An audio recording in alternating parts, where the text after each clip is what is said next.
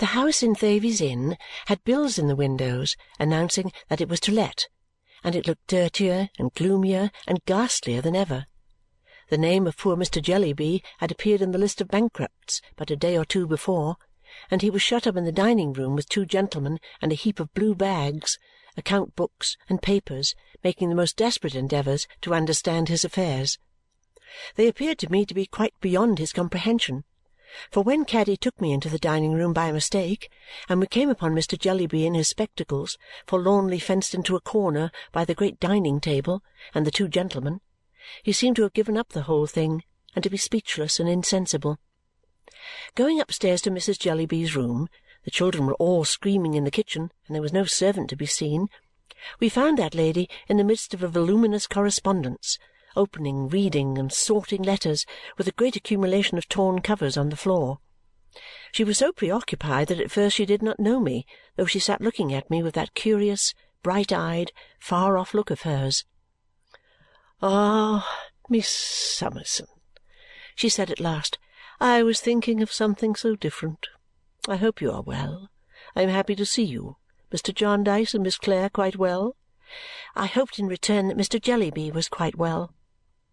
"Why, not quite, my dear," said Mrs. Jellyby in the calmest manner. "He has been unfortunate in his affairs and is a little out of spirits. Happily for me, I am so much engaged that I have no time to think about it. We have at the present moment one hundred and seventy families, Miss Summerson, averaging five persons in each, either gone or going to the left bank of the Niger." I thought of the one family so near us who were neither gone nor going to the left bank of the Niger and wondered how she could be so placid. "You have brought Caddy back, I see," observed Mrs. Jellyby with a glance at her daughter. "It has become quite a novelty to see her here. She has almost deserted her old employment and in fact obliges me to employ a boy." "I'm sure, Ma," began Caddy. "Now you know, Caddy," her mother mildly interposed that I do employ a boy who is now at his dinner, what is the use of your contradicting?" "I was not going to contradict, Ma," returned Caddy. "I was only going to say that surely you wouldn't have me be a mere drudge all my life." "I believe, my dear," said Mrs. Jellyby, still opening her letters, casting her bright eyes smilingly over them, and sorting them as she spoke, "that you have a business example before you in your mother. Besides, a mere drudge! If you had any sympathy with the destinies of the human race, it would raise you high above any such idea. But you have none. I have often told you, Caddy, you have no such sympathy." "Not if it's Africa, Ma, I have not." "Of course you have not. Now, if I were not happily so much engaged, Miss Summerson," said Mrs. Jellyby, sweetly casting her eyes for a moment on me and considering where to put the particular letter she had just opened, this would distress and disappoint me, but I have so much to think of in connexion with Borrioboola Gha, and it is so necessary I should concentrate myself that there is my remedy, you see." As Caddy gave me a glance of entreaty, and as Mrs. Jellyby was looking far away into Africa straight through my bonnet and head, I thought it a good opportunity to come to the subject of my visit and to attract Mrs. Jellyby's attention. "Perhaps," I began, "you will wonder what has brought me here to interrupt you. "I am always delighted to see Miss Summerson," said Mrs. Jellyby, pursuing her employment with a placid smile, "though I wish," and she shook her head, "she was more interested in the Borrioboolan project." "I have come with Caddy," said I, "because Caddy justly thinks she ought not to have a secret from her mother and fancies I shall encourage and aid her, though I am sure I don't know how, in imparting one." "Caddy said Mrs. Jellyby, pausing for a moment in her occupation and then serenely pursuing it after shaking her head. "You are going to tell me some nonsense?" Caddy untied the strings of her bonnet, took her bonnet off, and letting it dangle on the floor by the strings and crying heartily, said, "Ma, I am engaged!" "Oh, you ridiculous child!" observed Mrs. Jellyby with an abstracted air as she looked over the dispatch last opened. "What a goose you are!" "I am engaged, Ma," sobbed Caddy, "to young Mr. Turveydrop at the academy, and old Mr. Turveydrop, who is a very gentlemanly man indeed, has given his consent. and I beg and pray you'll give us yours, Ma, because I never could be happy without it. I never, never could!" sobbed Caddy, quite forgetful of her general complainings and of everything but her natural affection. "You see again, Miss Summerson," observed Mrs. Jellyby serenely, "what a happiness it is to be so much occupied as I am and to have this necessity for self-concentration that I have. Here is Caddy engaged to a dancing-master's son, mixed up with people who have no more sympathy with the destinies of the human race than she has herself. This, too, when Mr. Quale, one of the first philanthropists of our time, has mentioned to me that he was really disposed to be interested in her. "Ma, I always hated and detested Mr. Quale," sobbed Caddy. "Caddy, Caddy!" returned Mrs. Jellyby, opening another letter with the greatest complacency. "I have no doubt you did. How could you do otherwise, being totally destitute of the sympathies with which he overflows? Now, if my public duties were not a favourite child to me, if I were not occupied with large measures on a vast scale, these petty details might grieve me very much, Miss Summerson. But can I permit the film of a silly proceeding on the part of Caddy, from whom I expect nothing else, to interpose between me and the great African continent? No, no repeated Mrs. Jellyby in a calm clear voice and with an agreeable smile as she opened more letters and sorted them. "No, indeed!"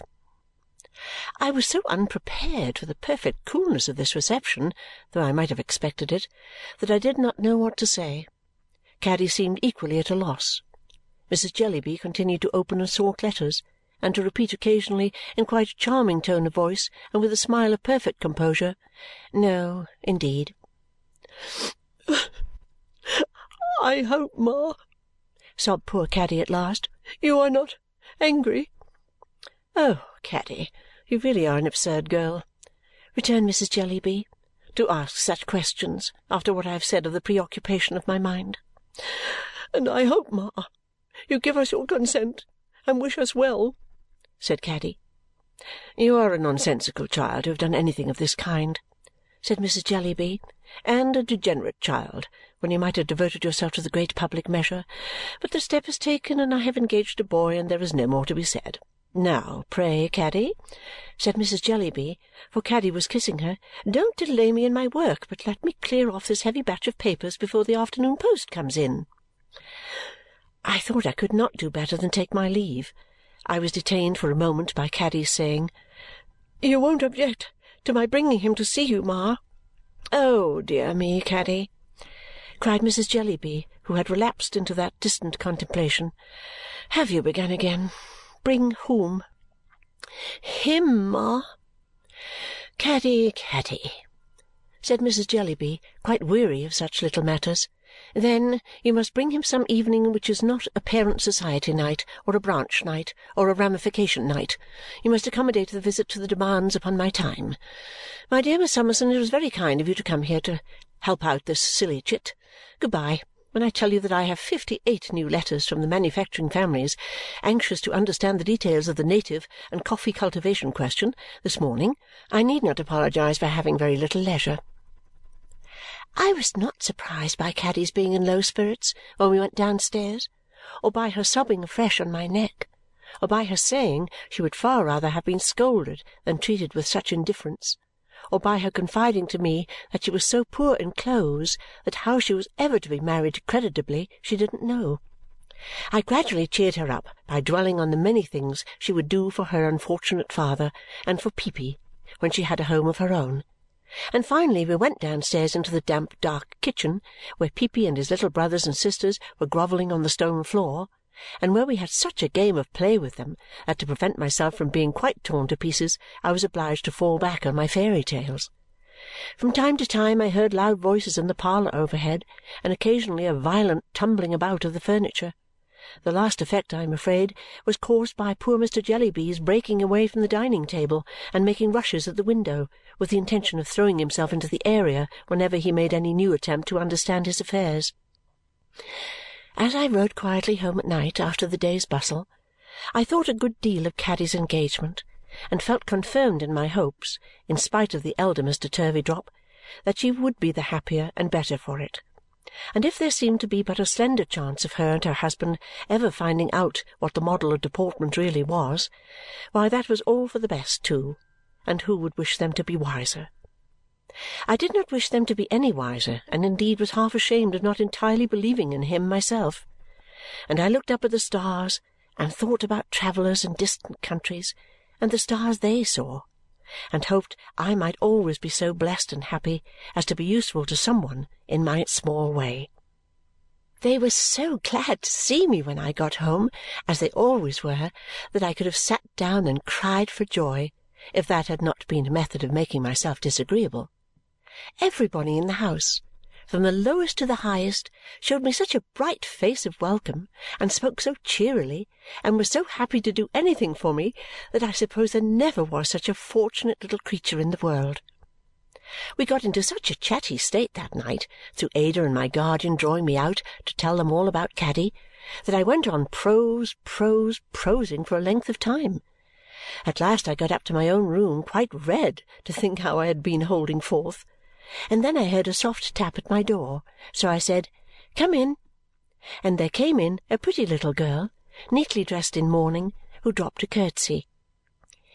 "If you please, miss," said the little girl in a soft voice, "I am Charley."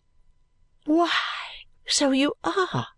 said I, stooping down in astonishment and giving her a kiss. "How glad am I to see you, Charley!" "If you please, miss," pursued Charley in the same soft voice, "I'm your maid." "Charley!" "If you please, miss, I'm a present to you with Mr. Jarndyce's love." I sat down with my hand on Charley's neck and looked at Charley.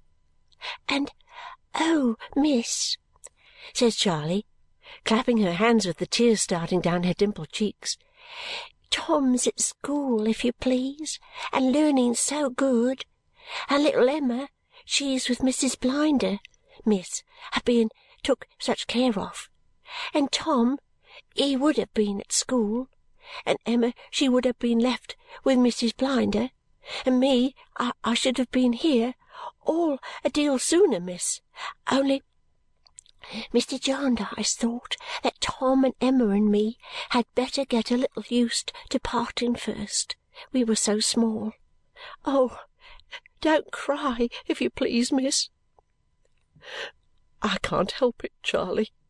"No, miss, nor I can't help it," says Charley. "And if you please, miss, Mr. Jarndyce's love, and he thinks he'll like to teach me now and then. And if you please, Tom and Emma and me is to see each other once a month. And I'm so happy and so thankful, miss!" cried Charley with a heaving heart. "And I'll try to be such a good maid. Oh, Charley dear, never forget who did all this. Oh, no, miss, I never will. Nor Tom won't nor Emma. It was all you, miss." "I have known nothing of it. It was Mr. Jarndyce, Charley." Oh, "Yes, miss, but it was all done for the love of you and that you might be my mistress. If you please, miss, I am a little present with his love, and it was all done for the love of you. Me and Tom was to be sure to remember it." Charley dried her eyes and entered on her functions, going in her matronly little way about and about the room and folding up everything she could lay her hands upon. Presently Charley came creeping back to my side and said, "Oh, don't cry, if you please, miss!" And I said again, "I can't help it, Charley!" And Charley said again, "No, miss, nor I can't help it." And so, after all, I did cry for joy indeed, and so did she.